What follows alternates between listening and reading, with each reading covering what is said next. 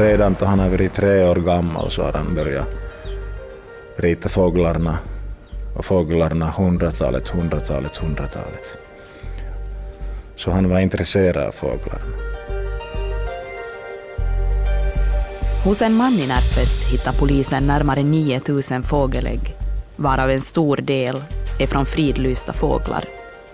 Alltså, jag märkte ju ett passionerat intresse för fågelägg, allt som hade kring fåglars häckning och, och framförallt då ägg att göra. Så att småningom började jag nog misstänka saker och ting. Vad kommer att hända med 27-åringen från Närpes? Vad får han för straff? Och var får äggsamlingen sitt nya hem? Du lyssnar på Äggmannen, en svenska Yle-podcast i tre delar. Det här är del tre, den sista delen.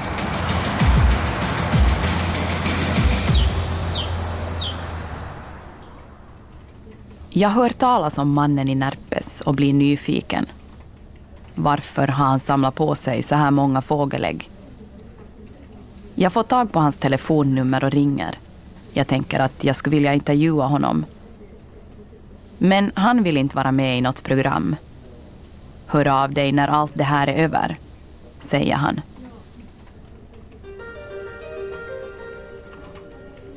Vi är tillbaka vid växthuset i Närpes i november 2011. Seppo Mäkitalo på tullen och hans kompis biologen Harry Hongell har tagit fast Närpesmannen och Seppo inleder förhör med honom. Det kommer att bli fler förhör och en lång rättegång väntar. Men först måste de ta itu med ett annat problem. Vad göra med den enorma mängden ägg?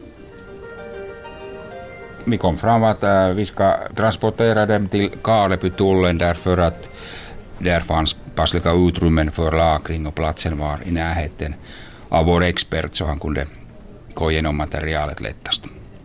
Polisen Seppo står med 9000 fågelägg, närmare 100 uppstoppade djur och en frysbox full med döda djur utanför ett växthus i Närpes. När han ringer sin gamla barndomskompis, lastbilschauffören Tom Koivisto. Han frågade om jag skulle komma, komma med lastbilen till Närpes så fort som möjligt, så då lovade jag att jag är kanske inom en fyra timmar i Närpes. Det enda Seppo berättar är att Tom ska ta med sig så många filtar och tecken han kan hitta. Men han säger inget om vad det är som ska fraktas. När jag tänkte som en finlandskar tänker att det är sprit, pirtu eller något annat som är glas, för jag skulle ta med täckar och filtar, eller då tänkte jag om det skulle vara kristallkronor eller glas i alla fall. Sprit. Tom hoppar in i lastbilen och börjar köra söderut. Jag funderar hela tiden att har jag nu tillräckligt filtar med? När han kommer fram till Närpesmannens hus parkerar han lastbilen framför husets ingång. Då gick vi in och, och se hur det ska packas, vad de har att packa där på en sida. Jag visste inte riktigt vart jag har kommit. Men där finns, finns inte sprit, inte kristallkronor och inte glas. Och första som jag tänkte på när jag gick där inne var som att jag skulle ha kommit till Nahotells reception, det var så snyggt allstans. Eller en finan bar eller, eller någon annan finan ställ med fina grejer, fina TV, fina barskåpar, stora. Allt var som från James Bond ungefär.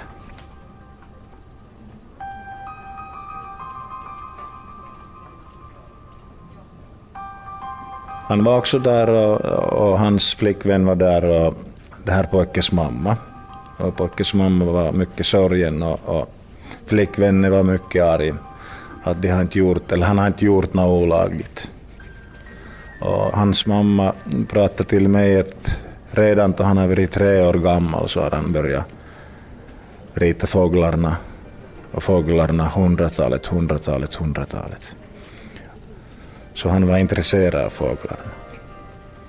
Hans mamma var väldigt trevlig, och, men, men hon var som i chock.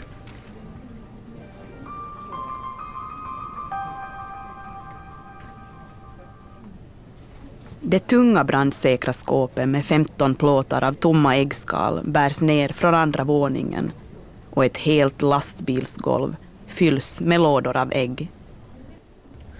De ryms just och just alla äggar på golvet. Och då skyddar vi ännu äggar med filter och täcker.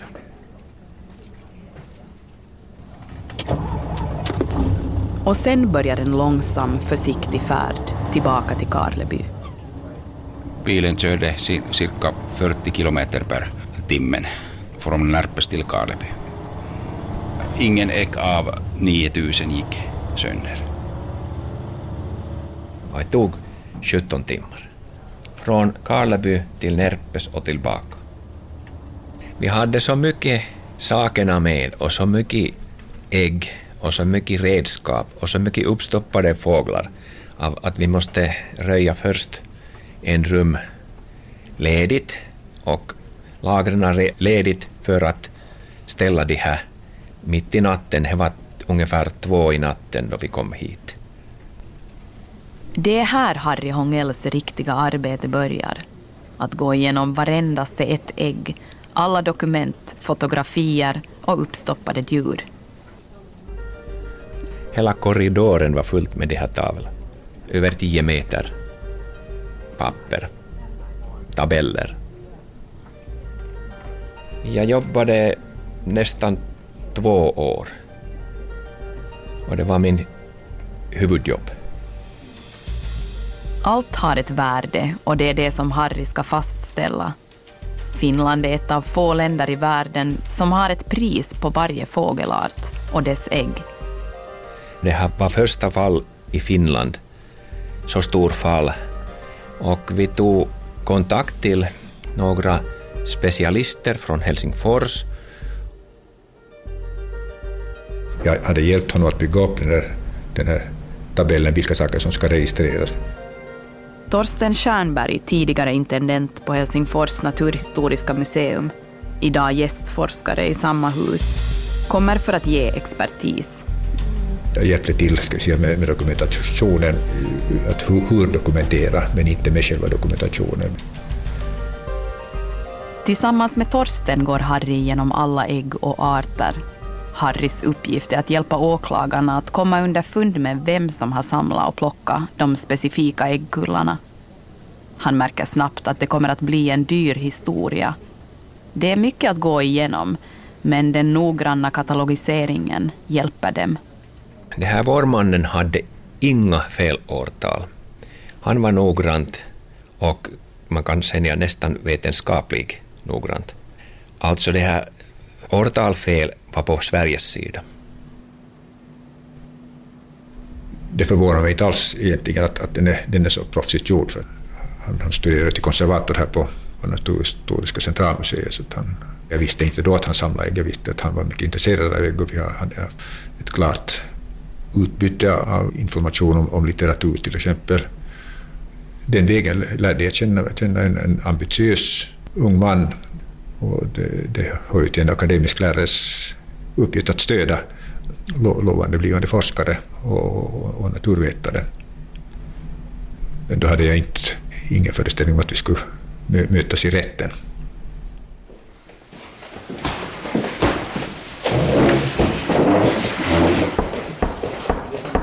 Vi, vi, vi bara går in nu direkt på förhöret och kommer att då banda in det som du eventuellt säger och eh, vi sätter på bandspelaren.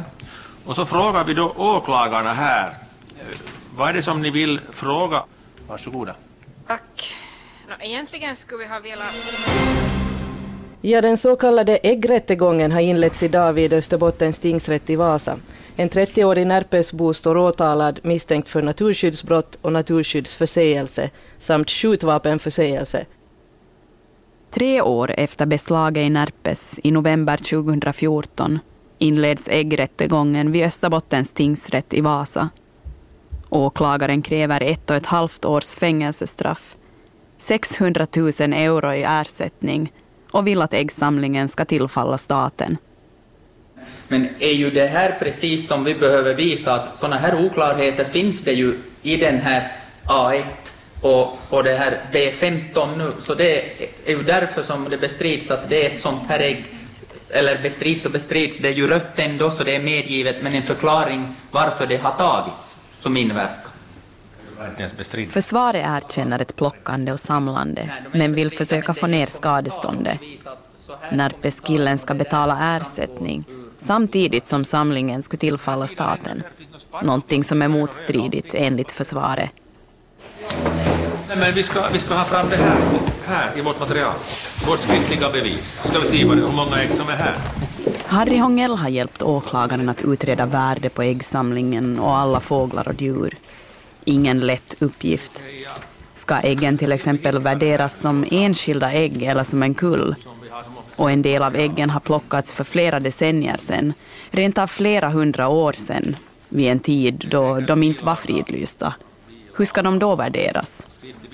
Och kan staten ta betalt också för sådana ägg som inte ens har funnits i Finland? Det är bara några av de frågor som utreds under rättegången. Låda nummer 34, ja just det. Så var det. Det är förskräckligt är det. Förskräckligt. Och det har ingenting med naturskydd att göra. Gamla äggskal så kan inte ge upphov till kycklingar i våra dagar. Och eh, man håller ju på direkt och förstör den här samlingen och man förstör också den här närpespojken. En av dem som vittnar på äggmannens sida är Erik Granqvist, som tidigare jobbade vid Zoologiska museet i Helsingfors, dagens Naturhistoriska museum. Han är taxidermist, konservator, skulptör och konstnär. Det här är ett, ett fullständigt vansinne med priser på ägg och, och fåglar. Om ägg tas i ett fågelbo i början utav värpningstiden så gör det eh, egentligen ingenting för fågeln värper en ny kull då den första har förstörts. Så att det är mycket mindre farligt sist och slutligen att, än att till exempel skjuta fågeln. Men gäller det faktiskt alla fåglar det då? No, det gäller de, de, de flesta fåglar nog och så beror det på vilken tid utav häckningen som äggen ha, har tagits. Om fågeln har hunnit rua länge redan så då värper den inte en ny kull. Men om det är i början utav häckningen så värper den en ny kull och det, det sker nog eh, helt normalt.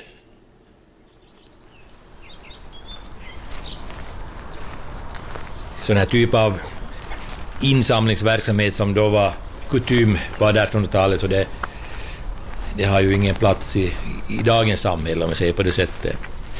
Förr sköt de fåglarna, samlade äggen. Idag är det via text och bild som man kan tillgodogöra sig samma saker som man gjorde då på 1800-talet med bössa och, och vad man nu hade, fångstnät och, och allt det där.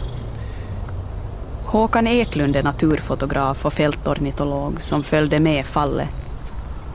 Förstås, nu kan jag föreställa mig det att för den som håller på med det måste vara otroligt intressant och det, det blir ju säkert en drog det där att kan jag tänka mig att, att få någon art till och sen byta och handla. Och, så att eh, de håller på med det, de är specialister och, och de älskar det de gör, det är alldeles självklart.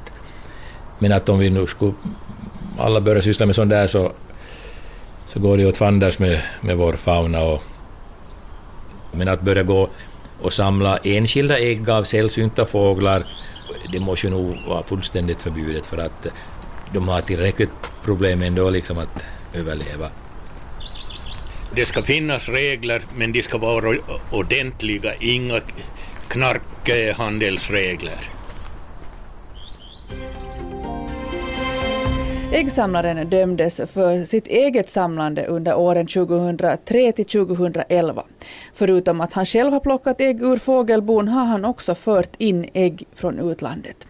En stor del av äggen var från fridlysta fåglar. Bland de I februari 2015 döms Närpesmannen i Österbottens tingsrätt till ett år villkorligt fängelse och 250 000 euro i skadestånd. Och han tvingas ge upp en stor del av sin samling. Priset på sällsynta ägg kan vara högt och enligt åklagarna hade Närpesbon idkat kommersiell byteshandel med fågelägg av både fredade och hotade arter.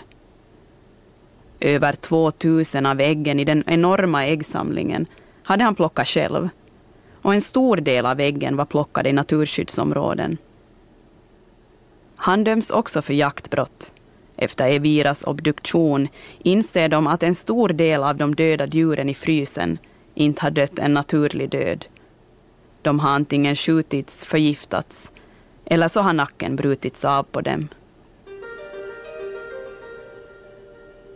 Både Närpeskillen och åklagaren överklagar domen till Vasa hovrätt. I maj år 2016 får han hovrättens dom. Det blir ett strängare straff än i tingsrätten ett år tidigare. Skadeståndsbeloppet förblir detsamma, 250 000 euro. Men han döms till ett längre fängelsestraff, ett år och fyra månader villkorligt fängelse. Största delen av hans ägg tillfaller staten och fallet kallas det största naturskyddsbrottet i finsk historia.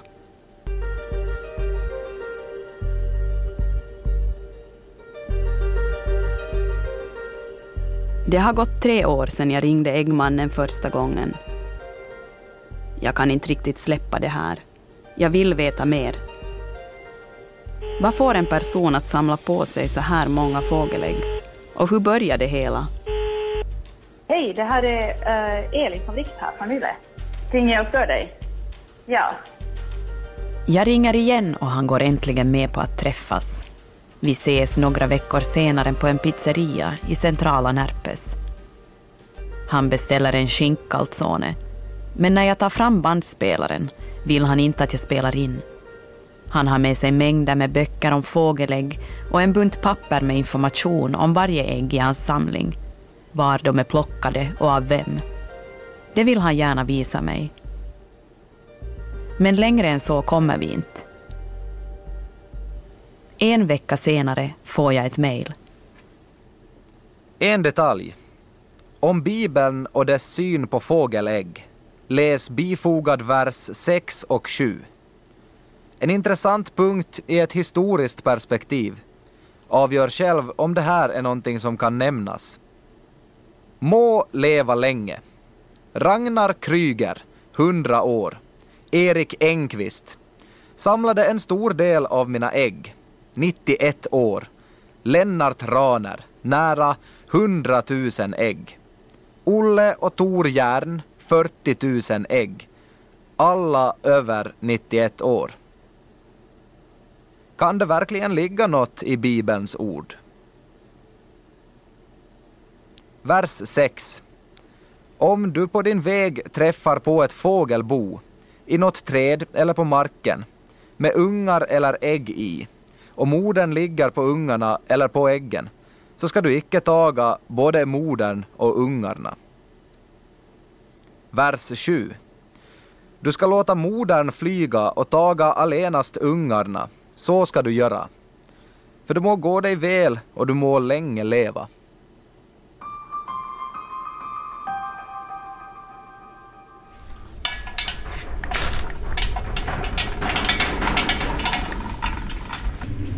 Här är eh, korp, olivbrun, svartgröna fläckar. Så att den ska komma forskningen till godo så, så det är alldeles vettigt. Och jag har framfört det också att då borde den komma hit, den här samlingen. Nu är den beslagtagen så att det enda vettiga stället är det här. Den här ska komplettera våra samlingar. Vi har eh, en av världens bästa samlingar från Västindien finns, finns i Krügersamlingen. Vi har långt över tusen kullar från Trinidad och Tobago till exempel. Det är här, på Naturhistoriska riksmuseet, bakom låsta dörrar i stora brandsäkra skåp, bland gamla hedersdoktorers äggsamlingar, som Närpesmannens fågelägg kommer att få sitt nya hem. Färskare ägg har klar betydelse, vetenskaplig betydelse. Fågelägg är viktiga för forskningen Genom att studera äggskal kan man få ny kunskap om kemikalier och miljögifter i naturen. När de finns så att säga, i en publik samling, inte undangömd någonstans i, i, i något anonymt utrymme någonstans i världen. Så att säga att det är inte förgäves att de då har, har samlats. Så det bästa är det att då kommer forskningen till godo och, och då är min uppfattning att det är då i den nationalsamling som finns Nationalsamlingen är gömd för allmänheten och det är inte fritt fram för vem som helst att komma in och titta. Och det har flera orsaker, berättar Torsten Stjernberg. Jo, vi har ju inte våra ägg utställda, för att ägg, ägg tål inte dagsljus. De, de bleknar på sikt. De förvaras dammtätt och mörkt och, och torrt. Det andra är att, att av rent ska säga, naturskyddsmässiga orsaker så har vi inte heller velat ställa ut ägg för, för att inte, inte locka till, till samlande. Man kan samla på all, allt möjligt, men ägg är, är faktiskt så estetiskt så, så tilldragande. Det är en bidragande orsak. Sysslar du också då med som barn med att plocka och samla ägg? Jo, jag har också har nog ett sånt förflutet också. När slutade du med det? Så de, de äggen finns, de, de, ja, de, som, så de, de finns i museets samling. Det var en så typisk småpojkssamling. Under våren 2017 ansöker Närpes hembygdsförening om att bli ägare av äggsamlingen för att grunda ett eget museum för den. Men ansökan får avslag. Samlingen placeras på det stora slutna äggmuseet på Helsingfors naturhistoriska museum. Närpesmannen har överklagat sin dom till EU-domstolen och väntar på besked om de kommer att gå vidare med hans fall. Jag tänker på om den här Närpeskillen skulle ha äh, levt i en annan tid, kanske det skulle vara helt annorlunda för honom. Alldeles säkert. Jo, i en annan tid. I en annan tid, under andra förutsättningar. Så, ja. Du har lyssnat på den tredje delen av Äggmannen, en svenska yllepodd i tre delar. Producent Staffan von Martens, ljudarbete Jyrki Häyrinen och jag heter Elin von Wright.